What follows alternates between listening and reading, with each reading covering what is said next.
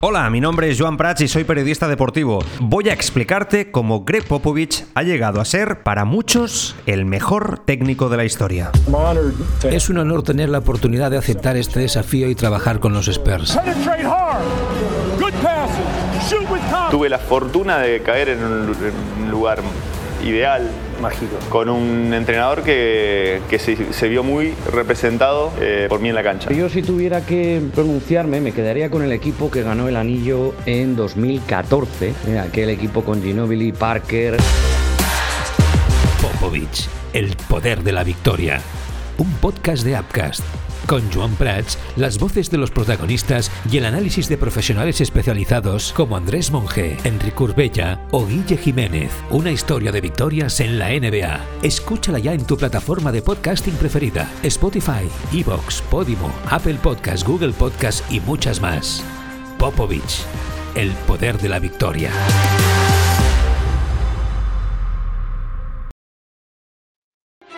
Bona tarda i benvinguts al Tribuna, un programa multiplataforma que pots escoltar en directe o quan et doni la punyetera gana. A la FM, en streaming, en podcast ara o a les 3 de la matinada.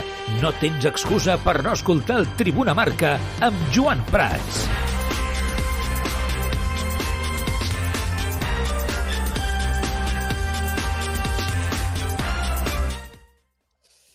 Què tal, com esteu? Molt bona tarda. Benvinguts un dia més al Tribuna Marca. Christensen tampoc estarà a l'11 titular avui. El Barça haurà d'afrontar el duel de l'anada de les semifinals de la Copa del Rei davant del Real Madrid aquest vespre a les 9 en directe a Radio Marca amb baixes significatives. Ja ho sabíem, això ja se sabia.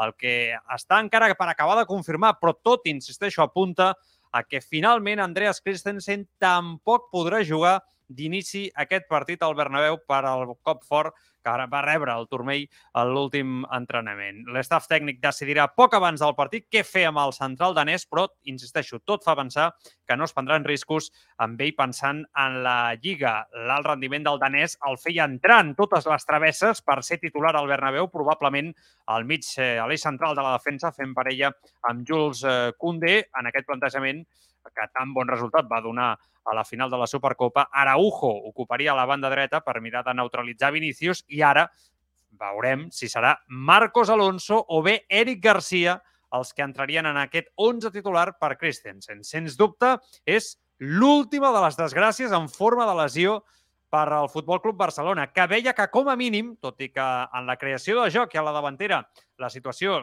era mm, fatal, horrible per viatjar a Madrid i enfrontar-se al Real Madrid respecte a les baixes, com a mínim el sistema defensiu doncs, estava pràcticament amb la seva totalitat i la línia defensiva estava amb la seva totalitat amb els eh, titulars. Doncs aquí tampoc. Per tant, a l'espera de la confirmació oficial, que ho sabrem d'aquí una estona i segurament ens agafi enmig del Tribuna Marca, segurament l'11 d'aquesta nit eh, del Barça estigui format per Ter Stegen en porteria, Araujo, Koundé, Marcos Alonso i Valde a la defensa, Busquets, De Jong, Gavi, Sergi Roberto i a dalt Rafinha i Ferran eh, Torres. Insisteixo, és només una especulació, però cal veure finalment eh, què passa amb Christensen, però tot indica que serà, que serà així.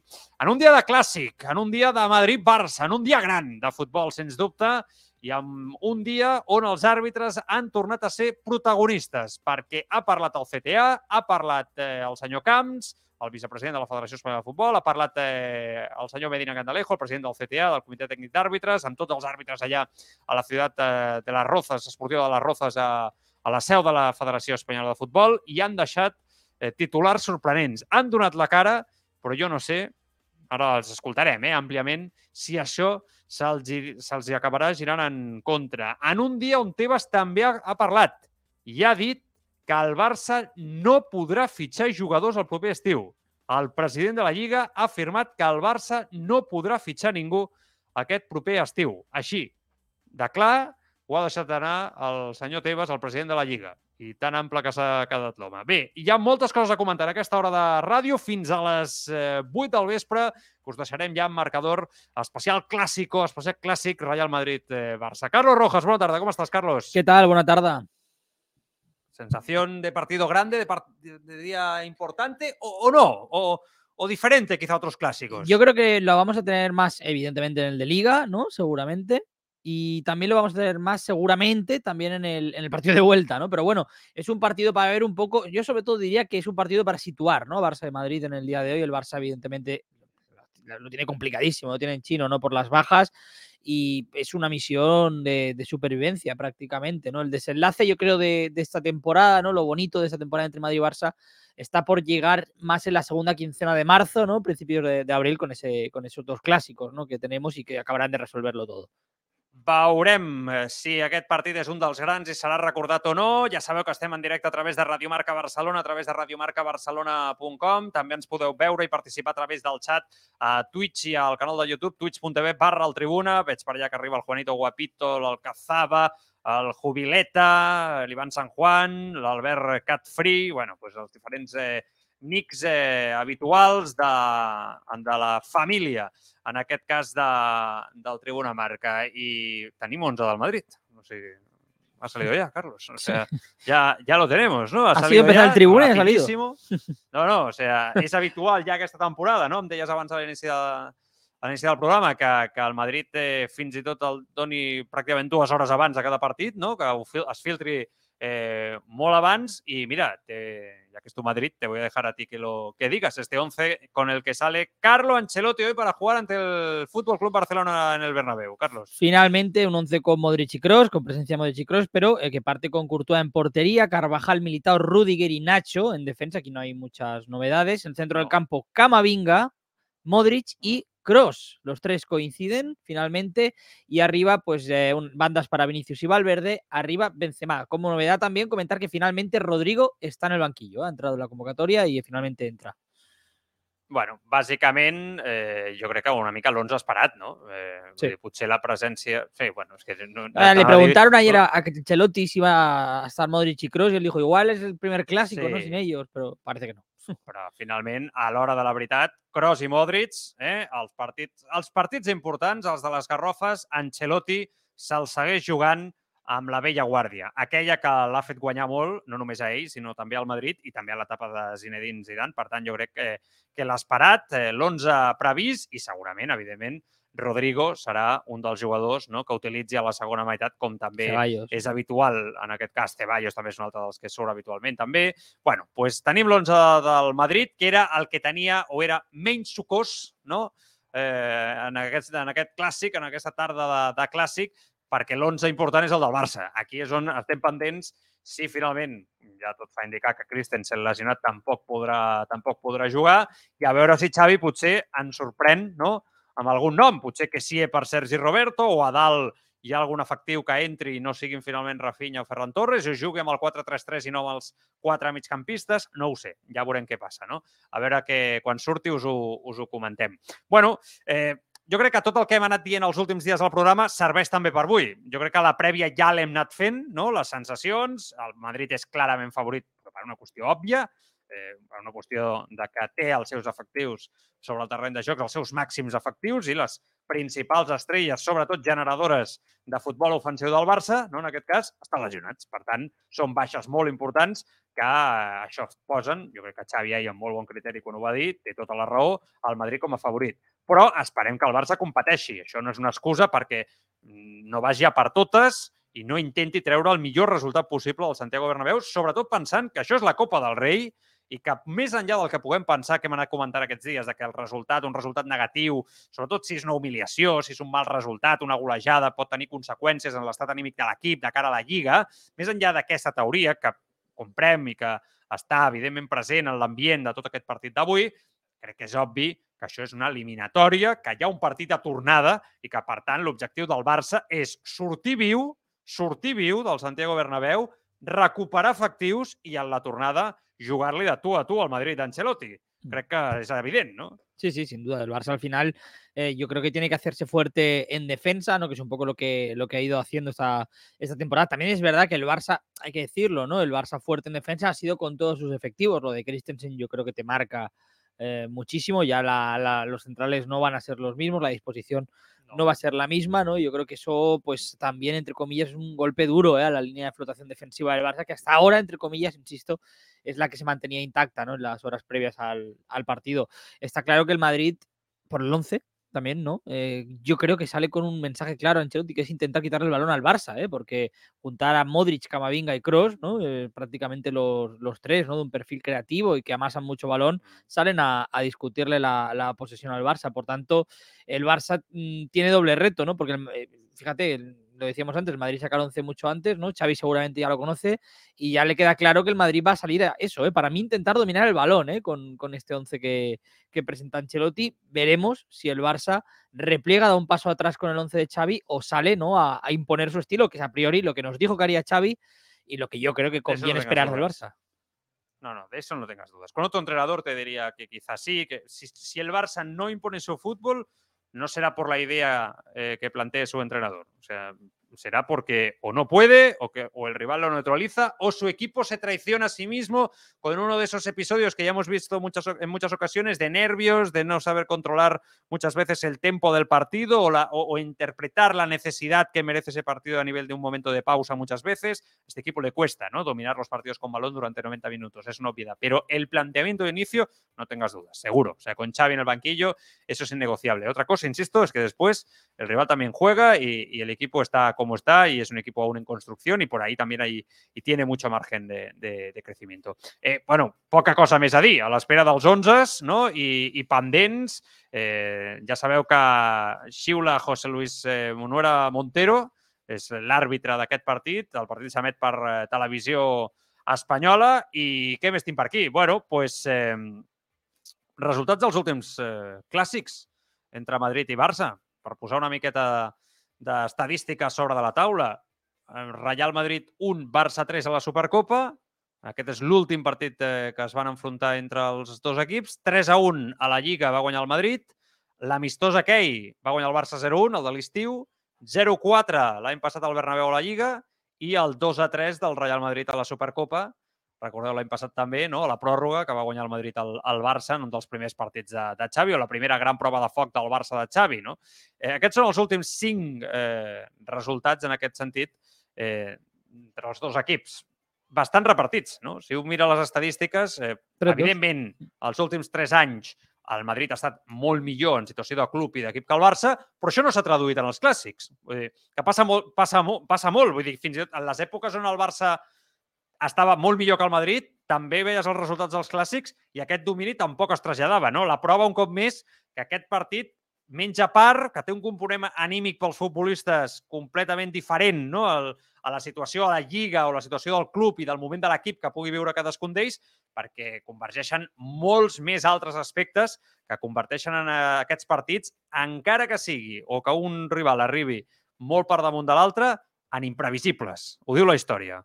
Sin duda, ¿no? Es que yo creo que al final, incluso lo que decíamos ayer, ¿no? A veces el que viene como muy favorito, ¿no? Es el que tiene que dar ese paso adelante, el que tiene la presión, el que no lo sabe, no lo acaba de llevar del todo bien, ¿no? Y, y acaba, acaba pagándolo, ¿no? Durante el partido. Evidentemente también hemos visto situaciones en las que un equipo era muy favorito y ha acabado ganando, ¿eh? Tampoco. Pero es verdad que los clásicos, ¿no? Es donde hay más, donde eh, quizá la dinámica mm, se evapora cuando comienza el partido. ¿no? Hay más, un poco las sensaciones del, propio partido dictan más que la propia dinámica de, los, equipos con la que llegan al, encuentro. Por tanto, sí, o sea, yo creo que al final el Barça para mí tiene hoy una oportunidad eh, de oro, desde el punto de vista, viendo el vaso medio lleno, ¿no? de, salir vivo, de dar un espaldarazo ¿no? Al, al, proyecto a nivel de confianza y de crecer mucho psicológicamente en un estadio tan complicado como es el del Madrid, ¿no? que también podría ser uno de esos estadios de noche europea, sin ninguna duda. Eh, pero evidentemente también tiene mucho que perder, ¿no? Porque yo creo que una, un partido malo, ¿no? Que se caiga del todo el invento, eh, yo creo que acaba de ser un, podría acabar de ser un golpe muy duro para la, para la temporada del Barça y podría ser un punto de aparte, ¿no? También para la del Real Madrid. Por ¿Seguro? Tanto, fíjate que es mucho o sea, más que una ida de copa, de semi de copa. Pero, pero sí, pero eso porque hacemos una lectura más allá de la propia copa. Pero mm. si el Barça cae hoy, eh, eh, vas a seguir teniendo la misma distancia en la liga. Lo digo porque se confunden los términos. O sea, podemos pensar que puede afectar al equipo, como hemos dicho todos estos días, por la situación anímica, por los eh, antecedentes de fortaleza mental de este equipo, pero no nos engañemos. O sea, si Xavi hace un buen trabajo como técnico y con su cuerpo técnico, aislando a la plantilla de cara a la liga y aislando competiciones, yo creo, sinceramente, que no tiene, no tiene por qué hoy una derrota ante el Madrid tener una trascendencia mmm, enorme para No, el la trayectoria del Fútbol Club Barcelona. Sobre todo, además, Carlos, si vas con tantas lesiones y tantos lesionados, quiero decir que desde un punto de vista de, eh, bueno, que la lectura para Xavi, mm, si gana, es fantástico. Si empata, fantástico. Si pierde, media plantilla lesionada. No tiene más importancia, vamos hacia la liga, nos centramos aquí, que es el gran objetivo, y ya intentaremos remontar con, habiendo recuperado efectivos. Creo que es fácil la lectura para que no tenga un- una trascendencia dentro del equipo. eh, en lo anímico, una derrota hoy ante el Real Madrid porque, porque hay cierta excusa, ¿no? Eso no significa que tengas que salir derrotado de inicio, ¿eh? insisto, que no se me malinterprete, ¿eh? pero creo que es fácil el mensaje si se cae derrotado hoy ante el Madrid. Otra cosa es el entorno, que es que el Barça merece cinco análisis a la vez. Eh, Otra cosa es el entorno. El entorno es otra cosa. Claro, pero tercera derrota seguida, Ahí eso va a aflorar en un ambiente, pero ahí yo confío que el cuerpo técnico va a saber aislar a sus hombres y, insisto, es lo que te iba a decir, eso que te estaba diciendo, ¿no?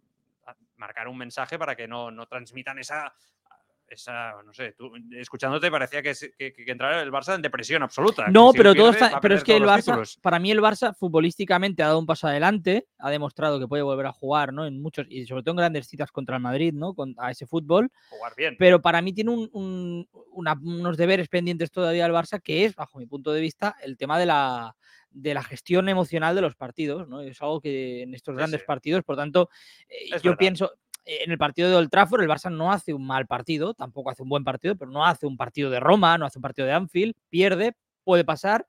Y yo seguramente cuando acabé de ver el partido mi sensación fue que el Barça, bueno, evidentemente no le- iba a reforzar, pero que se arrearía ¿no? en el partido de liga, que sería un, una derrota que dentro de lo que cabe puedes contar con ella, ¿no? Perder en Old Trafford y más con las bajas de Pedri y Gavi y de Dembélé. Pero el Barça cayó en. Almería y, y es y la imagen con la que cayó en Almería, ¿no? Y entonces imagínate que hoy contra el Madrid no tiene una, una goleada, un- una simple derrota, ¿no? Luego el partido contra el Valencia Ya. se te complica porque el Valencia está con el cuchillo entre los dientes, recordemos ahora mismo. eh, se, te puede, se te puede torcer la cosa. Yo lo que me interesa ver es la gestión ya, psicológica del tampoco- Barça. O sea, el problema lo tiene el Valencia por enfrentarse al Barça y no al por revés. supuesto, O sea, al final. No, lo digo porque este, este, este discurso que, que acabo de escuchar tuyo lo he escuchado mucho en las últimas horas, que como el Barça se va a enfrentar ante rivales que se juegan o se están jugando la permanencia en primera división, eh, van a salir con el cuchillo entre los dientes, como tú acabas de decir, y parece que el Barça sea incapaz de competir contra ellos. ¿no? Oye, mire, el problema lo tiene el otro equipo que juega contra No, el líder no de hay la, ninguna duda, liga, pero, ¿no? pero te lo digo desde el prisma del Barça, ¿no? Es decir, Sí, sí. eh, que, que- como por ejemplo el partido de contra la Almería, ¿no? El Barça realmente al, al Almería en un partido medio bueno, no tiene que ser ni bueno, le desarma fácilmente, ¿no? Y el problema es que yo creo que el Barça se- tu- tuvo problemas de, de orden, ¿no? De táctico y sobre todo también para de mí de actitud, confianza. de Exacto. actitud, y de- de de actitud. La, la puesta en escena. Pero es que la, la confianza muchas veces se, se gana en base a tu actitud, no solamente en el fútbol, en todo, en la vida, en cualquier cosa que hacemos, ¿no? Cuando tú le pones ganas a algo y responde, normalmente cuando tú Sí, le pones gana- ganas a cualquier cosa, o sea, vas avanzando en el camino, ¿no? Unos con más o menos habilidad, eh, pero vas hacia adelante. Entonces, eso te hace ganar confianza. Pero si tú de primeras sales, ¿no? Sobrado en la vida o vas a hacer algo a desgana, que es como yo creo que salieron los jugadores el otro día en la primera mitad ante la Almería, pues seguramente esa confianza te va a bajar porque no te van a salir las cosas, ¿no? Eh, y eso es lo que es intolerable, ¿no? A- en, en grandes rasgos. Bueno, al, al Twitch, al Twitch del Tribuna, twitch.tv barra al Tribuna, estem demanant porreta, eh? per si us voleu passar i deixar la vostra porreta. Ara llegirem també els eh, resultats per aquest partit avui. Li pregunto ja al Carlos. Carlos, un resultado rápido así, pim pam. Yo voy a decir ¿Para 2-0 hoy? para el Madrid.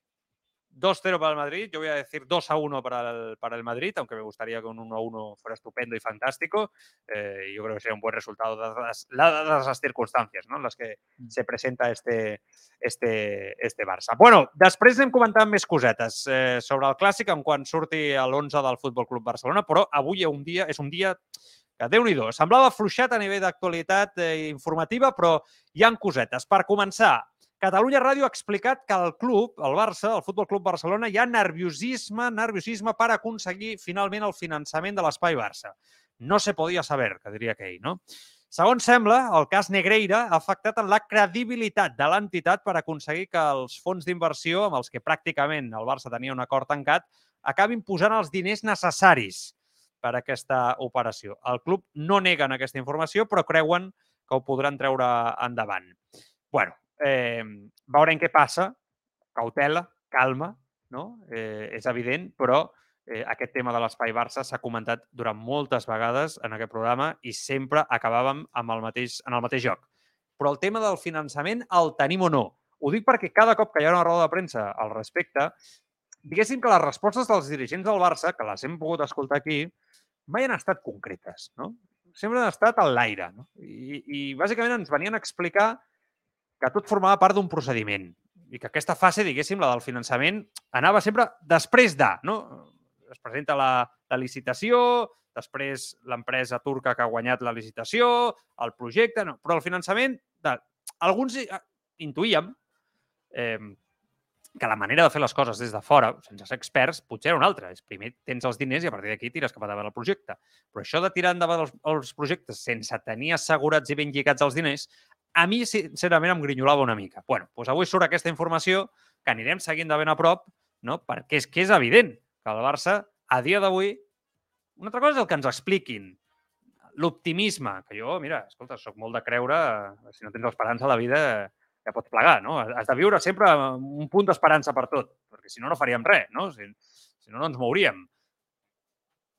Però després necessites realitats. No tot pot ser volàtil, no? I van passant els mesos, van passant les setmanes i, sincerament, avui surt una informació que explica que dins del club doncs, que hi ha nerviosisme, perquè els fons d'inversió no acaben de veure una situació clara, a nivell financer del Barça, una situació, fins i tot el tema del cas Negreira, perjudicat també no, en el nom del Barça i totes aquestes coses a nivell bancari, a nivell econòmic, afecten. És evident que afecten, perquè el nom de la institució no passa pels seus millors eh, moments. I, bueno, esperem que es resolgui, perquè imagineu-vos el que seria ara, no?, amb mig estadi desmuntat, en tot el tema de Montjuïc i tot plegat, doncs que no tinguis aquests, bueno, de moment 900 i pico milions d'euros, tot i que poden arribar fins a 1.500, eh, això es va, van ser autoritzats com a tal per l'Assemblea, la, són molts milions d'euros, moltíssims milions d'euros.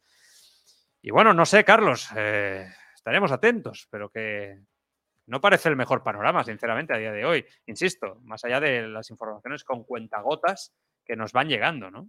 Sí, totalmente. La, la, verdad es que ya se veía, ¿no? Yo recuerdo que aquí lo comentamos que, que tendría efectos negativos por, bueno, creo que fueron las primeras reacciones que tú tuviste, ¿no? Cuando salió el caso Negreira, que el daño reputacional ya estaba hecho, ¿no? Y que más allá de todo mm. lo que se pudiera demostrar o no, el Barça seguramente se iba a encontrar, ya no por la, la, gente, ¿no? Los aficionados, que también, sino también en cuanto a la hora de cerrar acuerdos, pues muchas dudas, muchos interrogantes, ¿no? Y yo creo que, que la verdad es que es una, esto sí que es un tema muy, muy serio, ¿no? Para, para el club, porque el Spy Barça ya no solo es importante por lo que supone, ¿no? Modernizar y, reacondicionar el estadio y todo lo que es otras instalaciones del Barça, sino porque sí, pero, es una gran una fuente de dinero para el futuro.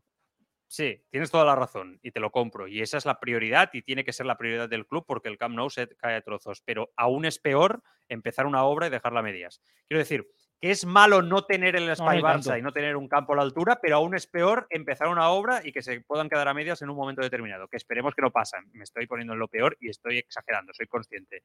Pero vamos, o sea, yo, sinceramente, a día de hoy no las tengo todas conmigo, ¿eh? Mm. No las tengo todas conmigo, porque, porque eh, la respuesta es tibia por parte del club. Este tema debería de estar resuelto ya. ¿no? Y cuanto antes lo hagan, mejor. Mejor para todos. Y fíjate, yo estoy seguro que el, del caso Negreira, lo que te decía, ¿eh? ha influido seguro, pero no sé si tanto. Es decir, porque la sensación antes de lo de Negreira era que el Barça estaba siendo un poco, ¿no? Poco oscuro con este tema, ¿no? No estaba acabando de aclararlo todo. Recuerda, recuerda que, que Ferran Rabarté, cuando dejó su cargo como CEO, habló con Goldman Sachs, que a priori era el fondo, ¿no? La entidad eh, que debía dejar ese dinero, ese, esos, eh, esos créditos, ese fondo de inversión, y que Ferran Rabarté le dijo a Goldman Sachs que el Barça tenía una situación económica horrible, ¿no? Mm. Que no podía afrontar con garantías una operación como ella y que estaba abocado a la Sociedad Anónima Deportiva, ¿no? Esta es la información que salió en su día, que Ferran Revertea lo había dicho, lo había comentado a, Goldman Sachs eh, en, este, en este caso. Y, y, al principio parecía que iba a ser Goldman Sachs sí o sí, después aparecieron otros fondos, otros muchos otros fondos, algunos ya desconocidos y ahora ya se ha diluido en el ambiente que no se sabe ya cómo está esto, ¿no? Y, A- a sinceramente, viendo un poco el, desa- el desarrollo de las cosas, parece que lo de Goldman Sachs vino por reverter, ¿no? Y se va por reverter, ¿no? En este caso, ¿no? La sensación, porque fue prácticamente a la vez, ¿no? Una no, no, no, Carlos, porque Goldman Sachs. Ah, no, empezó con Bartomeu, es cierto, es verdad, me acuerdo, es verdad, es verdad, sí, sí, totalmente. No, bueno, aparte que lo que reverte es bastante feo lo que hizo, ¿no? Si realmente lo hizo. así- Si es, si es así la información, que no es nuestra, ¿eh? que, que esto ahora creo que fue, creo que fue la vanguardia. No me quiero equivocar, ¿eh? Pero me puedo equivocar porque hay muchas, muchas informaciones. Bueno, lo, lo- lo- lo buscamos y lo aseguramos, el vídeo que lo, que, lo, que lo comentó, lo comentamos aquí en su día. Y Lara, lo sacó. el Ara. eh, el diari Ara va ser, ah, vale, pues el diari Ara. Mira, perfecte, gràcies per la rectificació. I, i bueno, a partir d'aquí, bueno, doncs, eh, en aquest cas, eh, és una dada més, no?, tenir en compte. Bueno, en fi, és una notícia preocupant, sens dubte, aquesta que ha avançat a Catalunya Ràdio eh, i que anirem seguint de, de ben a prop. Hi ha un altre nom, en el dia d'avui, eh, a banda de tot el tema de l'espai Barça, que és el nom d'Abde. Sabeu que ahir va fer va tenir una actuació sensacional amb l'Osasuna a les semifinals de Copa davant de l'Atlètic Club. 1-0 va guanyar Osasuna a l'espera de la tornada. De moment, avantatge no? per estar en aquesta final de Copa. I és un jugador del Barça, cedit a Osasuna i que eh, té un interrogant gegant sobre el seu futur.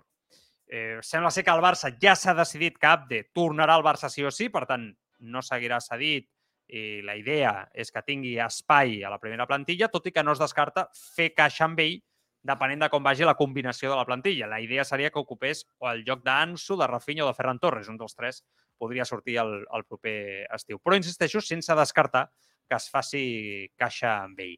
Eh, anem, anem a dir una cosa, Clara. Eh, Abde s'està sortint a l'Osasuna, però eh, crec que la sessió d'Abde Osasuna és una bona operació. Ent- Enteneu-me, eh, què vull dir? Vull dir, eh, Abde no tenia lloc al Barça a l'estiu. Quan has fitxat a un fotimer d'extrems, eh, quan has... Eh, tens, bueno, si, si hi ha ja extrems a la plantilla que juguen poc, no? imagineu-vos si Abde estigués aquí. Abde s'hagués eh, paralitzat, s'hagués enrocat en la seva evolució com a futbolista. Per tant, jo celebro que el Barça hagi fet una, una operació com aquesta d'un jugador amb un potencial genial, enorme, que tots vèiem, que a Xavi personalment li agradava molt, que l'hagi cedit a un lloc o, com a Os- Osasuna amb Arrasate, que li ha donat eh, protagonisme fins a anar creixent a aquestes altures de la temporada. Al principi anava sortint des de la banqueta, ara a poc a, a poc, a poc alguns partits de titular, després alguns altres surt de revulsiu, però se surt, el jugador se surt, ara se surt, és una bèstia. O sigui, ara mateix és un jugador determinant, eh, és una, una bèstia, una bèstia. Vull dir, aquest jugador eh, ara mateix és una de les eh, irrupcions a la Lliga Espanyola sense cap mena de, de dubte. No? pues, a mi ja m'agrada que ara el Barça pugui recuperar un jugador cedit i explotar-lo en el seu rendiment. Jo me'l quedaria, eh? Jo no, no, no, no, no el vendria ni, ni el cediria més, entre altres coses, perquè crec que ara mateix Abde és superior a algun dels extrems que tens a la primera plantilla del Barça. Així de clau ho dic. Eh, per tant, no estic ge- gens d'acord amb, la, amb la gent que ha criticat que Abde eh, estigui a l'Ossassuna eh, ara, a dia d'avui. Clar, perquè aquest discurs el dius ara, però a l'estiu... Cuando todo el sincerament, celebraba lo de Rafinha y Dembélé, no, ¿no? Claro, no, Abde, ningú se'n recordava d'Abde. De fet, jo me'n recordava més de Ferran Juglà que d'Abde. Eh? Eh, He, de ser, he de ser sincer. I em sembla que Ferran Juglà li hagués vingut per la seva polivalència bastant bé en algun moment d'aquesta temporada al Barça, entre altres coses perquè Juglà em semblava un jugador més fet que Abde. Ara, estem d'acord que Abde té el sostre més alt que Juglà, y et una cosa, Carlos, que tú y yo habíamos dicho, bueno, Abde un jugador de rotación, bueno, cada vez me parece que el techo de Abde cada vez está más alto, ¿eh? viendo la evolución del futbolista. Bueno, sin duda puede ser un, jugador de- importante. Yo creo que ya solo por las características y por la calidad que tiene, por la calidad que tiene también, ¿eh? pero por las características ya es un jugador que no solo en el Barça, en cualquier plantilla te da mucho, ¿no? Un jugador eh, con, ese, con esa capacidad para superar ¿no? individualmente marcas, eh, que, que además es- a mí me parece un muy buen centrador, también Abde, por cierto, dicho Sí, sea de- la pone paso. muy bien, sí. Digo por, por. Lewandowski, que también pide, ¿no? A veces que se la, que se la ponga. Le iría bien. Sí, sí. Exacto, quiero decir, tiene muchos registros que, que encajan para el Barça y yo creo que de cara, de cara a la temporada que viene tiene que estar. Ahora de titular, a mí todavía, evidentemente, para mí ser titular en Osasuna y titular del Barça hay un salto muy grande y, y- y al igual que lo está rompiendo en Osasuna, tendría que dar otra explosión ¿no? el año que viene en Can Barça para poder hacerse con un puesto. Ahora, uno de los cambios de segunda parte de primeras en ese rol, sí, o sea, no un jugador que venga para ser suplente y de vez en cuando jugar, sino para jugar cada partido simplemente saliendo desde el banquillo. Ahora mismo yo creo que le veo perfectamente capacitado, sobre todo con la, con la con la crisis de extremos que tiene crisis de extremos que tiene el Barça, ¿no? Que ahora mencionabas lo de cederlo a Osasuna. Fíjate, yo precisamente creo que el Barça puede utilizar el ejemplo de Abde para otros jugadores, ¿no? Que quiera hacer esa gestión con ellos. Incluso te dirían Sufati, que Ansu Fati parece intocable y se ha hablado de una cesión. Yo creo que a lo mejor puede ser un buen espejo en el que mirarse Abde ahora mismo para Fati. Ya veremos. Me parece que el tema de ceder a Ansu, cada vez que. que- yo, yo también, ¿eh? cada vez lo veo más claro que sería una buena opción, pero cada vez que, que se dice, eh, no sé, eh, ¿no? Parece que da pánico, ¿no? En el club, este tema, ¿no? Eh, ceder a Ansu, ¿no? Parece que es una muy mala idea. Parece que es un- reconocer un fracaso, ¿no? De un jugador que le has dado el dorsal número 10, que estaban todas las esperanzas puestas en él. Yo, yo, yo soy partidario, ¿eh? pero, pero no se quiere ni oír, eh, ni oír, ni oír hablar de, de ello. Bueno, veurem què passa amb Abde, no? Però ja sembla que el Barça va tantejar una mica a l'Ossassuna per recuperar el jugador aquest, eh, en aquest passat mercat d'hivern, no? que a Xavi li hauria, li hauria agradat que el jugador tornés a, al Barça i, i bueno, el contracte no ho permetia i Osasuna es va negar i evidentment es va negar amb raó, no? perquè veia que era el seu jugador més determinant a nivell ofensiu. Ahir el gol que marca estamos de acuerdo que es, es un, gol de, de- de- de jugador determinante, de potencia, de, técnica, de, de estar en un momento de gloria absoluta en su fútbol, ¿no? De confianza, eh, de potencia sobre todo, ¿no? Yo creo que es un jugador muy potente, ¿no? Que tiene una, una capacidad de desequilibrio, de cambio de ritmo brutal y que es muy difícil de frenar. O sea, es que creo que estamos ante un jugador que es de los que tiene un uno contra uno, algo que está muy buscado en el fútbol y que no es fácil de encontrar en el fútbol de hoy en día, más letales de toda la liga. O sea, ahora te voy a hacer una pregunta difícil, pero el uno contra uno de Abde es mejor que el uno contra uno a día de hoy, ¿eh? De Ferran Torres, de Rafinha y de Ansu. No te voy a poner el de Dembélé porque es evidente que Dembélé estaba desbordando a un nivel alto antes de lesionarse. Pero de los otros tres, Mm, Es verdad, yo, yo ahora mismo de- en, el- en ese aspecto, en ese apartado, sí que que, sí, me, ¿eh? me quedo con Abde. Eh, quizá estaría el que más cerca estaría de igualarlo ahora mismo para mí es Rafinha, ¿eh? de, de ellos en cuanto a uno contra para uno. mí es Ferran. No sé, yo es que Ferran hace mucho tiempo que, uno contra- Bueno, pero es verdad que estos partidos ha mejorado. confianza, eh, se está mostrando valiente, está encarando, está yéndose de, de su marcador. Es que Ferran record-. Ferran, recordemos, cuando explota en el Valencia, eh, era el, para mí el mejor driblador de la liga en aquel momento. Sí, o sea, sí, y luego lo perdió cuando se fue a Manchester, ¿no? Va- Yo creo que además ganó mucho, mucho músculo en aquel momento, lo, lo veía un poco menos ágil, ¿no?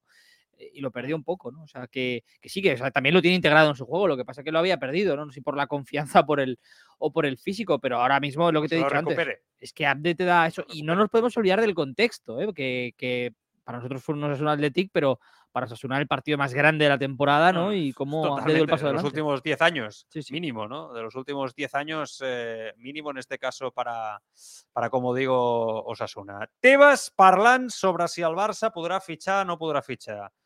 Cada cop va més fort, eh? Por ejemplo, con el Fútbol Club Barcelona, que quiero recalcar, este, esta- este invierno no ha podido fichar jugadores, no lo hemos dejado. Y el verano que viene no va a poder fichar jugadores. Por ejemplo, con el Fútbol El deporte es sinónimo de éxito, de triunfo, de gloria, de respeto. Los deportistas, atletas, jugadores, entrenadores son referentes, aclamados en todo el mundo y también son víctimas.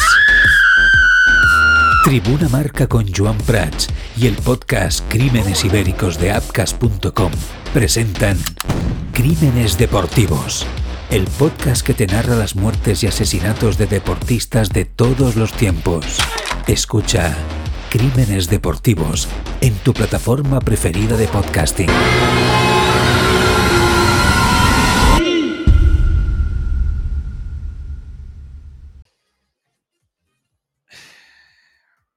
A veure, jo sincerament, eh, jo entenc la situació, eh, jo ja m'he manifestat, no, no, avui no és dia per empipar-nos, eh, enfadar-nos, pujar el to i, i us asseguro que a vegades amb aquest tema ens enervem i ens anem empipats després del programa, perquè ho sentim així i no és dia, avui no és dia.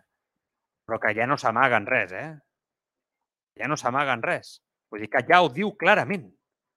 Vull dir que, que per si algú dubtava, ho deixa claríssim. El Barça no podrà fitxar l'estiu. Jo suposo que el club, que han obert ja no? diferents processos eh, en aquest sentit eh, judicials contra, contra la Lliga eh, i que en algun cas els ha acabat eh, afavorint, entenc que mm, s'acabaran movent perquè això no passi. Ells interpreten les coses d'una altra, altra manera. Però vaja, que ho dic perquè jo crec que ens podrà servir a tots, no, Carlos? Mm, Una mica a l'hora de construir el discurs de cara als possibles fitxatges del pròxim estiu, una mica la realitat. I és que jo a dia d'avui, veient aquestes declaracions tan contundents del president de la Lliga, que ja no va permetre, com ell mateix diu, i treu pit, fins i tot sembla, no? que Mm. això és el més greu de tot, em sembla que és, és pràcticament impossible pensar que el Barça podrà fer grans incorporacions a l'estiu. Una altra cosa és una operació amb el fair play, jugant als mínims, però grans operacions, escoltant aquest senyor i tenint en compte els precedents i la guerra oberta entre les dues institucions, no sé, a mi em sembla impossible, pràcticament impossible. Sí, no, no, totalmente. Es verdad que, que bueno, más allá de la, de- del tono, porque sobre todo yo lo que criticaría de Tebas aquí es el tono, ¿no? O sea, la forma en la que habla prácticamente, que, que está, está pavoneándose, ¿no? Prácticamente, incluso no, en algún momento no los hemos dejado fichar y este verano no les dejamos fichar. Es verdad que hay muchas cosas a tener en cuenta, ¿no? Y, hay- y hay muchos factores y yo creo que estaría bien que más allá de eh, intentar ¿no? explicar y vender, ¿no? Y que eso que a la, la gente es muy goloso el mercado ¿eh? de fichajes, a todos nos, eh, nos gusta y, caemos ¿no? un poco en esa tentación, pero estaría bien que si realmente la situación es así, que, que es insalvable y que la liga no, vas a- no te va a permitir fichar, yo creo que sería un buen momento para poder explicarlo, para poder eh, reconocerlo ¿no? de cara la- al aficionado, porque, insisto, cuando Laporta ha intentado ocultarlo, ¿no? No le ha salido bien, o sea, realmente, ¿no? Siempre, siempre ha acabado teniendo que rectificar, por tanto estaría bien ese ejercicio de madurez.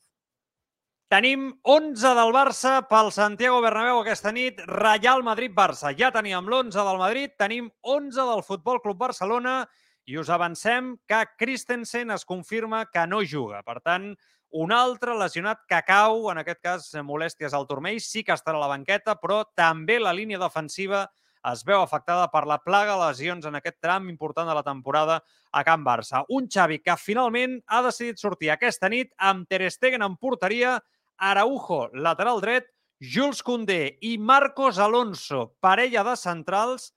Per tant, Christensen és suplert, eh, suplert amb Marcos Alonso i no Eric Garcia a l'eix central de la defensa. Alejandro Balde, lateral esquerre, surt amb els quatre migcampistes. Sergio Busquets, Frenkie de Jong, Gavi i no juga Sergi Roberto. Ho fa, i finalment, Frank Kessier. Per tant, Kessier és qui acompanya a De Jong i a Gavi a Busquets al, eh, al mig del camp. I, atenció, a dalt no hi ha hagut sorpreses finalment. Rafinha i Ferran Torres. Això vol dir que a la banqueta hi seran Ansu Fati, Iñaki Peña, Christensen, Jordi Alba, Sergi Roberto, Eric Garcia, Pablo Torre, Arnau Tenas, Alarcón i Stanis. bueno, pues aquest és l'11. Per tant, bueno, és que és l'11. És que jo crec que no hi ha cap sorpresa perquè no hi ha, no hi ha massa on escollir. Vull dir, és que al final, si es lesionava Christensen, tots podíem intuir que seria Marcos Alonso el titular perquè ara mateix té més confiança que Eric Garcia per Xavi Hernández. A mi em grinyola molt, o sigui, sincerament, jo crec que aquí patirem el Bernabéu amb Marcos Alonso a l'eix central de la defensa. És un jugador complidor. No te la liarà de forma grotesca, però no és un central com Christensen. Crec que és, és evident. Per tant, aquí perds. Jo hagués posat a Sergi Roberto abans que, que sí a nivell de, de tenir possessió de pilota, domini de joc. Crec que Sergi Roberto, amb la pilota als peus, et dona més que, que sí, que és veritat que és un jugador que et dona després un punt d'intensitat que necessites, que segurament Sergi Roberto en lo físic no et podrà donar, i és que la resta, bueno, pues Ferran Torres i Rafinha, pues és, és que no tens una altra cosa. Vull dir, és que, no sé, Carlos, es, es el 11 Arriba, visto sí. así ahora impacta un poco más, ¿eh? también te lo digo. Visto ahora ya puesto sobre la, la escena impacta un poco más porque es verdad que, claro, es que está plagado de suplentes, ¿no? Sí, no, la verdad es que sobre todo, ¿no? Fíjate que el hecho de que estemos preguntándonos entre Sergio Roberto y, y que sí, ¿no? Dice mucho, ¿no? También de, la, de las circunstancias en el centro del campo. Evidentemente la, la delantera es la que es. eh, yo creo que Falta gol aquí, claro, falta, es evidente. falta muchísimo gol, salvo que uno de los dos esté muy inspirado, ¿no? Que también puede ser. ¿no? Eh, Es verdad que a Rafinha al Madrid no se le ha dado mal en los, en los partidos que, que ha jugado, ¿no? No ha sido el de los peores del Barça, pero eh, tampoco a Ferran, por cierto. Ferran creo que marcó en el anterior clásico en el Bernabéu, ¿no? Aunque bueno, tampoco fue un gran partido del Barça, pero bueno, marcó como detalle. Y sí que es verdad que como, como posibilidad, yo creo que no, ¿eh? yo creo que va a ser tal y como nos imaginamos, ¿no? Mm. ¿Habría a lo mejor la puerta de que Cundé sea central y Araujo lateral derecho, como se había comentado? ¿Crees esa No, no? Araujo, a- Araujo va de lateral derecho seguro. Seguro, ¿eh? O sea, Koundé de Seguro. central, ¿eh? Yo lo he comentado así ya, ¿eh? Araujo Ah, derecho vale, perdón, lo había entendido al revés, así, lo había ¿eh? entendido al revés. Sí, Vale, sí, vale. no, no. As- seguro, vamos, es que no tengo ningún. Con Vinicius y con lo bien que ha salido Araujo. Yo creo que Araujo es el mejor central, o el mejor, no, en este caso lateral, el mejor defensor marcador del- de Europa ahora mismo, del mundo. O sea, yo creo que en, en- en el marcaje al hombre, al, fijando al hombre, un extremo en este caso como Vinicius, creo que no hay nadie más difícil de que superar, de superar que Araujo. Sí, sí. Yo y creo que ahí, vamos, me- tiene un reto grande hoy por- con, con Vinicius, que por- yo diría que Vinicius está en el, en el mejor momento de la temporada. momento, sí, és verdad. por és verdad. tanto, Hi ha una altra circumstància eh, de l'11. Recordeu que, ja ho vam explicar, però ho recordem. Jules Koundé juga, però mm, arrossega problemes musculars també. Vull dir, que l'altre dia no va jugar perquè els metges van advertir al Barça de que arrossegava fatiga muscular i que hi havia un risc alt de lesió, en el cas del jugador francès. Avui juga, però siguem conscients que hi ha un petit risc també amb Jules Koundé a l'eix central de la defensa, jugant. Que quiero decir que no quiero llamar al mal tiempo, pero que la gente lo tiene que saber. Que en un momento determinado, quizá, al minuto 30, se te rompe también Koundé. O sea, que, que ese riesgo existe. Y tiene que salir García y, bueno, ya salimos nosotros a jugar también ya. Bueno, fíjate que íbamos a decir esto de Eric García, ¿eh? con lo que decíamos en octubre, en octubre, noviembre de Eric García. Yo hoy, sinceramente, ¿eh? lo de Marcos Alonso, yo entiendo que a él le, le gusta más, pero yo creo que Eric García a mí me gusta más. Ya sé que no está en su mejor momento, ya sé que está Yo- seguramente en una crisis de confianza muy grande, pero Marcos Alonso no es central. A No mí es no, central y en algún partido se le ha notado mucho. ¿eh? no me gusta, no me, me- no me fascinaría tampoco la opción de Marcos Alonso, pero la preferiría ¿eh? a Eric García, porque Eric García en general siempre ha sido un jugador que no me ha acabado de convencer, pero ahora mismo encima con lo que tú comentas, en el estado en el que está es un interrogante gigante. Yo preferiría, ¿no? Lo que, lo que se dice, más vale malo conocido, entre comillas, ¿no? Que con, con Marcos Alonso que lo otro. Jo crec que és un central més pur, coneix millor la posició, sobretot la posició en Barça, i si el que vols fer és dominar el joc no? i tenir ser protagonista amb la pilota als peus, com, com va dir Xavi ahir, que és la posada en escena, després una altra cosa és que ho aconsegueixis, Eric Garcia crec que tècnicament és molt superior a Marcos Alonso, que l'altre dia, precisament, quan havia de treure la pilota des del darrere, se li van veure mancances en la distribució de la primera passada, de forma fins i tot diria clamorosa, eh? a nivell de criteri tàctic. Eh, no sé, en fi, potser en el marcatge és evident que Marcos Alonso és un jugador que no et comet, ja sabem, aquestes errades en el marcatge defensives, que Eric Garcia sempre surt molt més a la foto, no? Però bueno, en fi, anem a llegir missatges i anem al tema dels àrbitres. I jo crec que pràcticament amb això acabarem, eh? perquè, perquè Déu-n'hi-do, eh, déu nhi el que ha passat avui a la Ciutat Deportiva de les Rozas amb, amb la roda de premsa de, del senyor Camps, de Medina Catalejo i tots els àrbitres. A veure, què diu la gent? Twitch.tv barra el Tribuna. Molts missatges. Sí, muchos mensajes seleccionados. Comenzamos con las poras rápidamente. Eh, Jubileta 22 decía 1 a 3. Albert Mugal Venga, 1 a optimisme. Sí, Albert Mugal 1-1, DJ Yols 4-1, decía. eh, Mm. Iván San Juan decía 0-1 gol de Ferran. Alberto SB decía 2-3. Eh, Mm. Alcazaba 10 un 1 a 2, apostaba y creo que ya los he recuperado todos. M'encanta perquè és que sou super, super optimistes. O sigui, aquí, escolta, jo sé que el Barça va fatal, va amb mil baixes, però jo sóc del Barça. Per tant, el, escolta, el dos. credo, ¿no? El credo mandaloriano me indica que soy incapaz de poner un resultado en contra de mi equipo, aunque vayamos cuatro gatos y el apuntador. ¿eh? Yo soy de esos. Yo, también. soy- yo intento ser más realista, intento. A ver, si estuviéramos jugándonos una cena, ya te digo yo que, que sería realista, pero, pero siendo una porra, no. Sembla estupendo, ¿eh? Sí, sí. Sembla estupendo. Algunos comentarios de Guapi 1977, fíjate, que decía, lo de hoy es misión imposible directamente. Un altre. L'altra mirada, l'altra visió dels culers, eh? L'altre cantó. Eh, Jubileta 22 decía, Joan, hoy a sufrir, pero confío en que sacaremos un resultado bueno para la vuelta. Hay que creer en la chavineta. Daniel H. marxa. Daniel H. también optimista. Hacia el año pasado en la Supercopa teníamos peor equipo que en esta ocasión. Aquella vez dimos la cara. ¿Por qué esta vez no puede pasar? Con un buen plan de partido y estar concentrados y serios, podemos sacar un buen resultado. Alberto SB decía, será un partido difícil con todas las bajas que tenemos hoy, pero hay que ir a por todas. Vamos, Barça. Eh, Sergio Rib pregunta directamente, ¿cuánto crédito le quedaría a Xavi si palma hoy? Dillols apuntaba, ya estoy ya con el tema Spy Barça. Es que tú no puedes ir a Mm. comprarte un piso si no tienes la financiación. Pues esto es lo mismo. Juanito Guapito 56 en este sentido decía, Reverte iba más directo, ahora van disimulando para llegar a lo mismo. Tu Gromi te preguntaba, Joan, ayer escuché los plazos de devolución de los préstamos y es imposible. No, no una pregunta, era una afirmación. Lo afirmava. Sí. I un último comentario de Alsa Plan que dice, amb les baixes trobarem a, tro troba- trobarem a faltar Piqué. Sí. Sí. Futbolísticament sí, a nivell de sou i salaris li ha anat de conya eh, que marxi Piqué al Barça, és evident. Però a nivell futbolístic és veritat que Piqué per aquest tram final de temporada doncs hagués anat bé. Ara, jo sóc dels que pensa que etapa acabada ja, eh, de Gerard Piqué al Barça, fi- fins i tot li ha sobrat tot i el bon rendiment que ha donat, perquè jo crec que mai ha tingut una davallada greu a nivell de rendiment eh, Gerard Piqué sobre la gespa, però etapa acabada i fins i tot, escolta, ara tens lesions, però el sistema defensiu, la defensa del Barça és el milloret que ha fiançat Xavi com a, com a entrenador. Bueno, veurem què passa. Anem amb el tema dels àrbitres, eh, perquè avui és un dia important. No podien escollir un altre dia. Eh? Eh, últimament no estan massa encertats. eh? El comitè tècnic, els àrbitres no estan al seu millor moment, ni tampoc en el dia que ¿Quieres escolleixen per fer que la roda de premsa. ¿Quieres decir que no está hecha cosa hecha? Ojo, ¿eh? Bueno, hay otra manera de verlo, ¿no? Que decir, que pase rápido, ¿no? Que la actualidad no nos meta demasiado el foco y que no se pueda decir que nosotros no hemos salido ya, ¿eh? Nosotros hemos salido, hemos hablado y hemos contestado. Bueno, también es otra manera de verlo, sí, la verdad. Maquiavélicamente hablando, seguramente acertarás en el fútbol espanyol, tienes razón. Bueno, en qualsevol cas, que el Comitè Tècnic d'Àrbitres, el secretari general de la Reial Federació Espanyola de Futbol, el senyor Andreu Camps, i el president del CTA, Medina Cantalejo, han parlat avui públicament en una llarga, llarguíssima, interminable, m'atreviria a dir, roda de premsa a la ciutat esportiva de les eh, Rozas. Anem a escoltar alguns talls del més destacat. Insisteixo, és impossible escoltar tot i, i ens deixarem coses també molt destacables perquè pràcticament totes les respostes tenien suc. Però insisteixo, la roda de premsa és que ha estat llarguíssima. Una barbaritat, no s'acabava mai. Comencem amb Medina Cantalejo, que s'ha emocionat s'ha emocionat al final del seu discurs inicial dient que eh, ells no són corruptes. Yo soy nieto, hijo y padre de árbitros.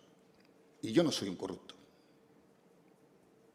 Y vosotros no sois corruptos. Y esto que ha pasado es una vergüenza, que hay que limpiarla a base de la honestidad que tantos años habéis demostrado. Y por supuesto, vamos a luchar hasta el final para que nuestro nombre quede como está y que cada uno quede en su sitio. Así que muchas gracias a todos y a los medios ahora os contestaremos tal y como tengamos que hacer. Gracias.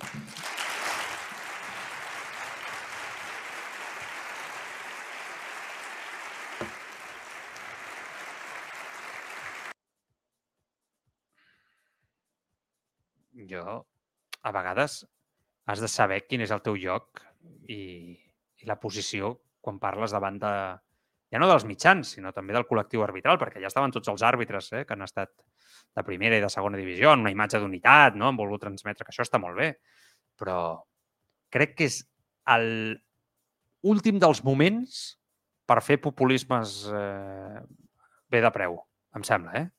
I, sincerament, jo després ara el seguim escoltant, eh? però quan he vist que li temblava la, la veu i fins i tot ha anat explicant que el seu avi era col·legiat, el seu pare... Tal... Hosti, a mi el que m'ha transmès el senyor Medina Cantalejo és aquest senyor, per sobre de netejar la imatge arbitral, el que està fent és escoltar-se molt a si mateix i s'estan cantant. Tinc mala senyal. És el que m'ha transmès a mi, eh? No, no teniu per què estar d'acord, evidentment, però a mi és el que m'ha transmès. Dic, ui, massa populisme veig aquí. Sí, sigui, Yo- no me'n refio d'aquest col·lectiu, però ja no només per les proves que estan sortint, sinó pel tarannà que porten quan parlen, la posada en escena. No m'agrada. No m'agrada. No m'agrada. O sigui, no m'agrada gens. A mi no m'han transmès avui cap mena d'humilitat i un sentiment proper a l'hora d'expressar-se. Tot el contrari. M'han donat més del mateix. Quan dic del mateix és més dels dirigents del futbol espanyol, d'aquesta taca que, ens, que arrosseguem en la pitjor època del futbol espanyol segurament. Més de Rubiales, dels Tebas, es más de lo mismo. Si no me fío de uno, de no me fío de unos, me voy a fiar de estos. Ni de coña. No sé, no sé. No me ha gustado, Carlos. Este numerito. Hoy no es un día para llorar ni para hacer numeritos de. No, no, No sí, sí, sí, es que decir. pero si es que todo, o sea, ¿qué es esto ahora lo iremos escuchando, pero todo en general ha sido para mí un, yo, para mí es una vergüenza, ha sido un despropósito. Yo entiendo que lo han hecho con la intención de explicar, pero de nuevo, insisto, creo que los árbitros se lo hemos permitido, se lo ha permitido el fútbol, nosotros no, ¿eh? La, la sociedad, los aficionados al fútbol, los periodistas, Yo creo que no. Yo creo que ha sido el propio mundo interno ¿no? del fútbol los que les han El permitido propio colectivo se ha protegido de una manera. Exacto, sí, sí. vivir de, de una forma en la que ellos, por algún motivo, nos hablan a los demás, ¿no? a los demás sectores del Sí. fútbol, como si no tuviéramos ni idea. Nada, con- sí, Sí. exacto. Entonces, yo cuando lo, cuando lo escucho, me ahora mismo no me da ninguna pena porque me da la sensación de que es una persona que no sabe dónde está. O sea, lo que tú has dicho, no hay que saber dónde estás, ¿no? En tu sitio en, cada momento. Pero yo creo que hace tiempo que el colectivo arbitral, no solo lo digo por Medina Cantalejo, ¿eh? lo digo también por Velasco Carballo, que han estado, ¿no? Y todos los que han ido saliendo. Me da la sensación de que no saben dónde están, ¿no? Sánchez Arminio en su momento. Y ahora mismo me da la sensación de que están dudando, no sé, de, de- de- de- de ciertas cosas que, que realmente, o sea, como si fueran dudas infundadas, como si no hubieran salido ah, documentos importantes, ¿no? Incluso luego lo, lo escucharemos también, ¿no? Lo que iban comentando de que se filtren cosas, ¿no? Y señalar. A mí me parece una, una cosa de locos, la verdad, es tener esa visión del, del tema cuando hay que ser humilde y saber que ha habido un problema y que lo tienes que atacar y que lo tienes que, que solucionar y tienes que ir de cara. Yo te digo una cosa. En ningún momento han mirado a cámara y han dicho pedimos perdón a los aficionados. Jo, jo estava esperant aquest moment, jo estava esperant el moment. No, jo pero se sienten allà, víctimas ellos. La sensación de me que he se sienten tragado víctimas. me he tragado toda la rueda de premsa. O sigui, no te puedes imaginar el conyazo, permeteu-me, que, que era eh, eh, veure la posada en escena d'aquests senyors, com tu dius, amb molt bon criteri, que semblaven les víctimes d'aquesta història. O sigui, jo estava al·lucinant i dic, bueno, en algún momento este señor va a decir, pido perdón a los aficionados, al fútbol español, en nombre de los árbitros, porque había un vicepre- vicepresidente del comité técnico de árbitros que, vamos, que aún no se sabe exactamente el por qué y qué había detrás, perquè això és algo que acabarà dient la justícia, però ha fet tota una sèrie de moviments sospitosos barra il·legals, en aquest cas sospitosament il·legal, que posen en entredit la nostra credibilitat i la del futbol espanyol perquè són part activa i important del mateix. Aquesta humilitat no l'he vist en cap moment. Ells s'han presentat com les víctimes d'aquesta història d'un senyor, Negreira, que fa dos dies, escolta, fa dos dies, eh, ens el venien com un tio que no pintava res, per, eh, quan preguntaves a la federació t'explicaven això, no, si no pintava nada, no pintava nada. I ara és, no, el ogro penogro que els ha manipulat, no?, a tots nivells i que ells pobres són víctimes com a col·lectiu d'aquell senyor. Aquí, o sigui, a veritat, algú es pot creure aquesta bajanada de roda de premsa i arguments que han presentat avui? Per favor. O sigui, el, o sigui, el senyor Negreira no pinta res, però alhora pinta tot el que vulguis, amb tot el poder del món, per a, a ells, pobres ells, sense saber res, posar-los en aquesta situació. Doncs pues miri, no, sincerament. Jo no tinc cap mena de motiu per creure en, en l'honor de paraula d'aquests senyors, perquè hi ha moviments per darrere, de forma clara i evident, que em fan veure que no és un col·lectiu net. Sí, per tant, y yo he cregut siempre y he defensado a los árbitros, tú lo sabes, Carlos, que siempre durante años decía, y en tertulias, y, incluso he dado, más, he dado la cara más de lo que muchas veces yo por dentro pensaba o veía decisiones arbitrales, que eran clamorosas, pero digo, bueno, va, vamos, no vamos a girar el discurso hacia un discurso de duda porque es que no- salimos perdiendo todos, ¿no? Pero después de las evidencias que, están, que han salido en las últimas semanas, ¿no? Que están saliendo, ¿qué, qué narices vamos a decir? Si es que, bueno, pues ja heu vist que avui, res, el to, victimisme absolut. Eh, al·lucinant, eh, sota el meu punt de vista. Al·lucinant. Això només passa a Espanya. Eh, jo ahir, el Rafa Sauquillo, a la tertulia nacional, me va dir, Joan, ¿qué le preguntarías tú a Medina Cantalejo? Ya, yo ya sabes que soy a veces incluso demasiado directo, ¿no? Le digo, no, que cuando dimite, le iba a decir al Rafa, le iba que cuando tiene previsto dimitir y que si, ha pensado en, que dimitan todos los árbitros de primera y segunda división y empezar de nuevo. Perquè per mi és l'única solució que neteja això. O sigui, de zero. O sigui, començar de zero. Anar amb àrbitres estrangers i netejar de dalt a baix el comitè tècnic arbitral. Todos se rieron en la tertulia y tal, ¿no? Digo, joder, vas a saco y tal. Y digo, bueno, pero es que, digo, es que, ¿qué, narices vamos a hacer? Si és que és impossible creer. Bueno, pues, fixeu-vos jo que il·lús, no?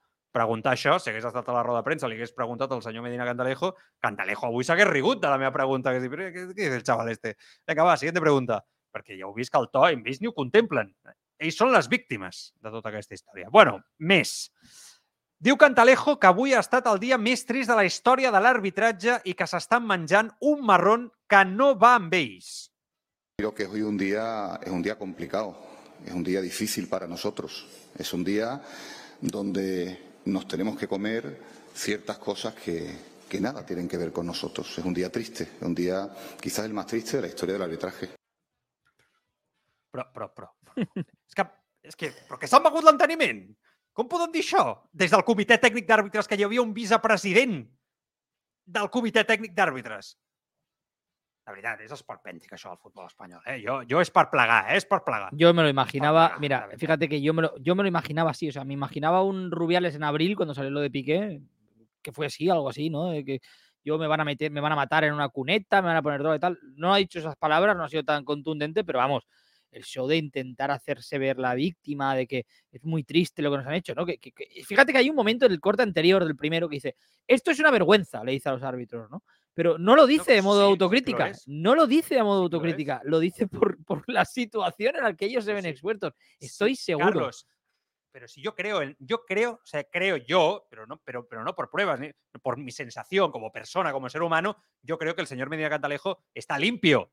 Yo, lo, yo me Hombre, lo creo, sí, yo me lo creo, pero, pero, pero da igual, o sea, lo que yo crea o la sensación que él me transmite no importa nada aquí, porque lo que está en duda es el honor del colectivo, Totalmente. del comité técnico de árbitros que él representa. Fíjate si lo tiene que él fácil representa.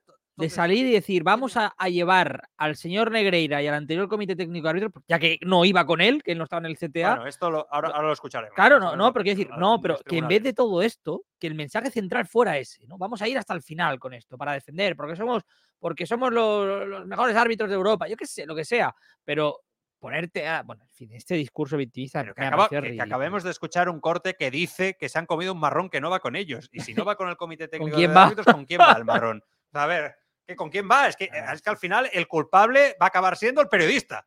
O, o- o el que passava por ahí. O, o ja veràs, és que, de veritat, jo crec que això ells ho estan intentant, no, no els hi sortirà bé, perquè la gent no és tonta, no, la gent no és tonta, eh, però jo crec que respon a un missatge clar, ¿no? comunicativo, han parlat digo, bueno, ¿qué podemos hacer? Porque estamos por los suelos. Como, como colectivo arbitral estamos por los suelos. ¿Qué podemos hacer? Pues, a- palos a Negreira, tú. Palos a Negreira. Negreira, Negreira, Negreira, Negreira. No nos queda otra. Y a ver si el mensaje va calando y, y a, ver, a ver si funciona. Jo crec que l'estratègia era aquesta, sincerament. Eh? Bueno, ara anem a escoltar Camps. També després tornem a escoltar Medina Cantalejo, eh? que reconeix que lamenten que alguns àrbitres en actiu de primera i segona divisió filtressin el famós qüestionari traslladat als col·legiats fa un parell de setmanes quan va esclatar el cas Negreira. Española quiere manifestar que deplora la actitud del miembro del colectivo arbitral que puso en conocimiento de los medios dicha documentación interna. Para que quede claro y para que no haya duda o la menor duda al respecto sobre mis palabras, no me estoy refiriendo para nada a la publicación del documento por parte de los medios. Ellos hicieron su trabajo y además satisfactoriamente desde el punto de vista de lo que corresponde a un medio de comunicación. Pero sí debo manifestar la sorpresa y la tristeza por la actuación de algún miembro del colectivo arbitral. Habla de esta Fernández, entiendo, ¿no? Supongo. No, no, lo sé, pero No, no, no, bueno, ha está estado en el Fernández- ambiente todo el nombre, todo el rato, ¿no? Es que me parece increíble. Bueno, me parece, o sea, me Pero- parece, pero fíjate, que ellos mismos salen como colectivo fuerte, pero a la vez se cargan al propio colectivo criticando a miembros del propio colectivo. Esto no hay por dónde cogerlo. Te lo digo en serio, Carlos. Es- creo que estamos asistiendo al fin del colectivo arbitral español. Ojalá, porque la verdad es que eh, hasta ahora, ahora mismo, yo creo que hace falta una profunda limpieza. O sea, pero ya esto ya no tiene que ver con el, con el comité solo, ¿eh? que, que- que este señor es Andreu Camps, ¿no? que es el vicepresidente. Y eh, tú lo De la escuchas. Federación Española de Fútbol. Exacto, sí, sí. Tú lo escuchas y la sensación es que está señalando a un árbitro. O sea, no dice el nombre, pero lo está señalando. O sea, pero, ¿qué tiene que ver las churras con la merina? O sea, es decir, sale el, el delito, Porque ¿no? El, el- el la que tienen error. montada ahí dentro. hombre. Exacto, sale el error. te dice la que tienen montada ahí. hombre. Sale el error y dice, los medios no tenéis culpa porque sale la información, pero ¿a quién se le ocurre filtrar esta información? No, pues lo que debe hacer. También lo puede llevar directamente a la justicia, pero, pero solo faltaba, vamos, señalar a la persona que está denunciando lo que está sucediendo. Es que es surrealista. es Ojo, eh, surrealista. que hay más. No Te, te vas a poner más nervioso. Eh, per mi la declaració més greu. Eh? Camps ha dit que la Federació Espanyola de Futbol ha pogut constatar que existeix alguna persona que, coneixent els fets de Negreira, no els va denunciar quan tenia responsabilitats. La Real Federación Española de Fútbol sí ha podido constatar que existiría alguna persona que conociendo los hechos de primera mano no los denunció cuando tenía responsabilidades gubernamentales. la Federación está estudiando si de tal actuación se podría derivar algún tipo de responsabilidad a los efectos de presentar la correspondiente denuncia o, en su caso, si hubiera base suficiente para ello, una querella. Vale. Eh, em sembla bé que ho facin, que denunciïn, només faltaria. Però per mi és la declaració més greu perquè és la primera prova per part de la pròpia Federació Espanyola de Futbol de que més enllà de Negreira i el seu fill, el vicepresident, hi havia algú més que era coneixedor d'aquesta situació. Per tant, és el primer dia en què tenim un avanç significatiu en tot el que està sortint als últims temps. I és que ja reconeix per la pròpia federació que hi havia coneixement del que passava allà. Ja no sé ni com qualificar-ho. D'aquesta història. Es muy fuerte lo que acabamos de escuchar. ¿eh? Sí, sí, totalmente. Y, y, y la sensación es que eh, eh, eso, que no, que no abre tanto los titulares, ¿no? Ni, ni, se cuenta. Y yo creo que es un buen ejercicio de transparencia, ¿eh? lo tengo que decir, ¿eh? es un buen ejercicio de transparencia que lo diga y que lo comente. Sí, eso sí, ahí, por eso te digo, ahí ha estado pero, pero vamos, es algo que yo creo que debería estar en todos lados. Es decir, que la federación debería ser más contundente el mensaje y no colarlo un poco en la, en la rueda de prensa como ha, como ha sucedido. Y espero vale. que sean súper transparentes, no solo digan esto. Nosaltres el que fem és eh, marxar. Tinc aquí algun missatge per aquí. Eh, bueno, muchísima gente es culpa a los periodistas. Joan das, por supuesto, que Enriquez Negreira pagaba a los árbitros. Yo no lo tengo tan claro. Más parece un expolio al club. No, no ho dono per fet, eh? No ho dono per fet. Eh, ni molt menys. El Palacios, que diu, yo creo que los árbitros son malos, pero no pienso que hayan cobrado nada. El Togromi está podrido hasta los cimientos y que el Barça no pagó no lo tengo tan claro. Bueno, en fi, gràcies a tots per participar. Anem a gaudir del clàssic i demà ho comentem aquí al Tribuna Marca. Carlos, cuídate. Gracias, que vaya bien. Fins demà, adeu-siau.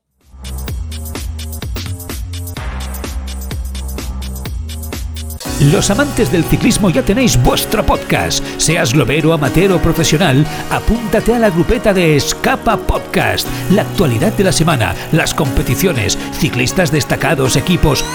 Escapa Podcast, con entrevistas, debate, la información técnica y las novedades del mercado de la bici gracias a la tienda líder de ciclismo. Escapa.